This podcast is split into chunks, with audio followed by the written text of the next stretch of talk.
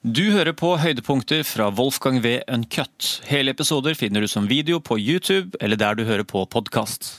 Det er jo pussig, for det er jo da staten som ingen anerkjenner. Absolutt ingen! Ingen anerkjenner, ikke engang Russland anerkjenner Transnistrias uavhengighet. Stakkar. Ja, da, da, da får de fortjene litt medfølelse.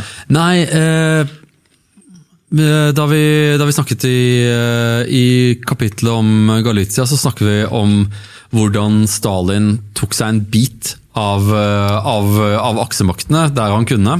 Tok, eh, tok Prøysen fra, fra, tyskerne, tok Lvov fra polakkene. Eh, svær bit av, av Ungarn. Men de tok også de østlige delene av Romania. Og dette området har historisk vært kjent som Bessarabia.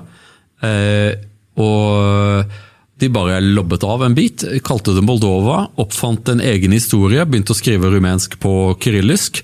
Eh, oppfant en del nye ord eh, som, eh, for å vise at dette var et annet språk.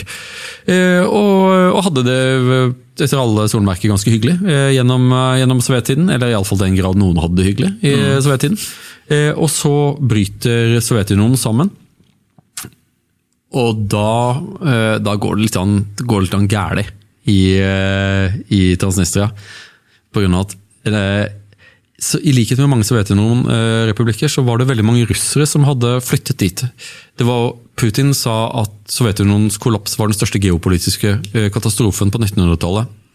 Og Noe av det han mente med dette, tror jeg, var at 25 millioner russere endte opp utenfor Russlands grenser.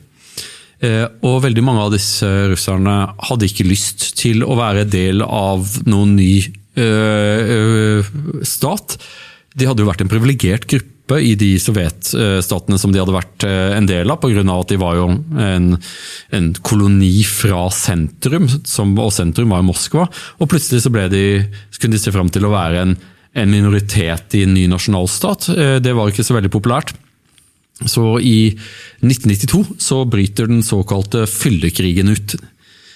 Og fyllekrigen var en kamp mellom eh, menn i fritidsklær som skjøt AK-47 rundt hushjørner. Eh, det var, etter alle solmerker var det ikke en spesielt, eh, en spesielt vellykket eller godt utkjempet krig. Omtrent 300 døde.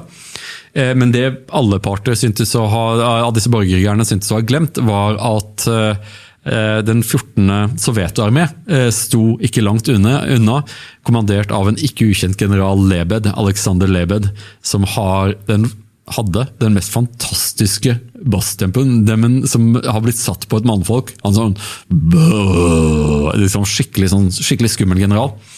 Eh, eh, og De kalte det fyllekrigen pga. at folk, når de da ikke sloss sammen, så, var, så, satt man på puben og drakk sammen, og så neste dag så skjøt man på hverandre igjen.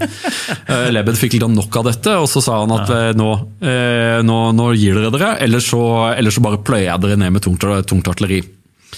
Eh, og da tok krigen slutt. Eh, han sa også, eh, og dette er jo en sånn ting som historikere er uenige om, han hevdet at de moldoviske styrkene var ledet av rumenske offiserer, og at dette var et rumensk forsøk på å gjenforene Moldova med Ukraina.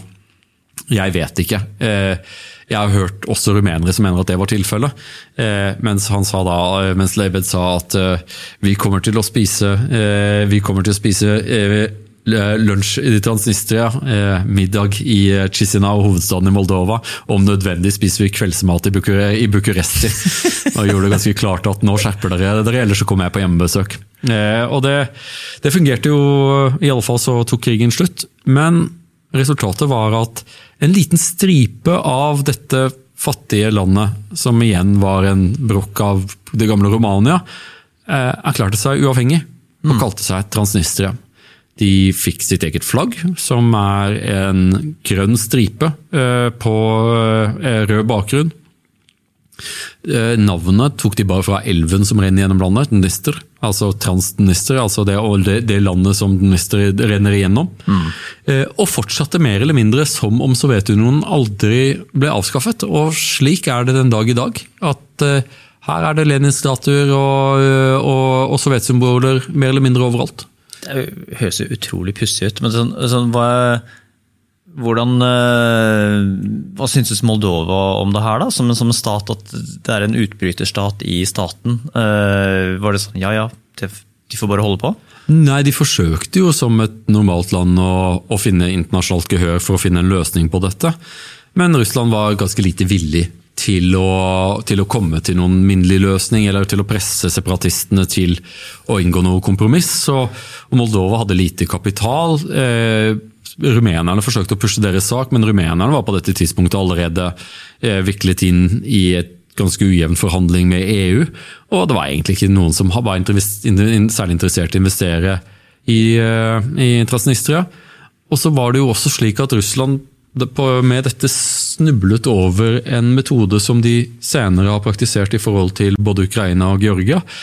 Så lenge de kan ha tropper i en del av et annet land, eh, om det er i Sør-Ossetia eller i, eh, eller i Donetsk og Luhansk eller i Transnistria, så blir det svært vanskelig for dette landet å bli medlem av noen av Vestens organisasjoner, om det er Nato eller EU, pga. at dette er et ufravikelig krav om at vi tar ikke inn medlemmer som har eh, usalderte grensetvister. Eh, det ville jo være sprøtt om vi skulle ta inn et Nato-land som allerede har en, liksom en, krig som bare venter rett rundt hjørnet. Så vi venter, forventer jo at man skal løse dette, mens ingen løsning har kommet. Mm. Eh, årene har gått. Nå er det snart 30 år, så, har, så så til neste år så feirer Transnistria sitt 30-årsjubileum en stat ingen anerkjenner.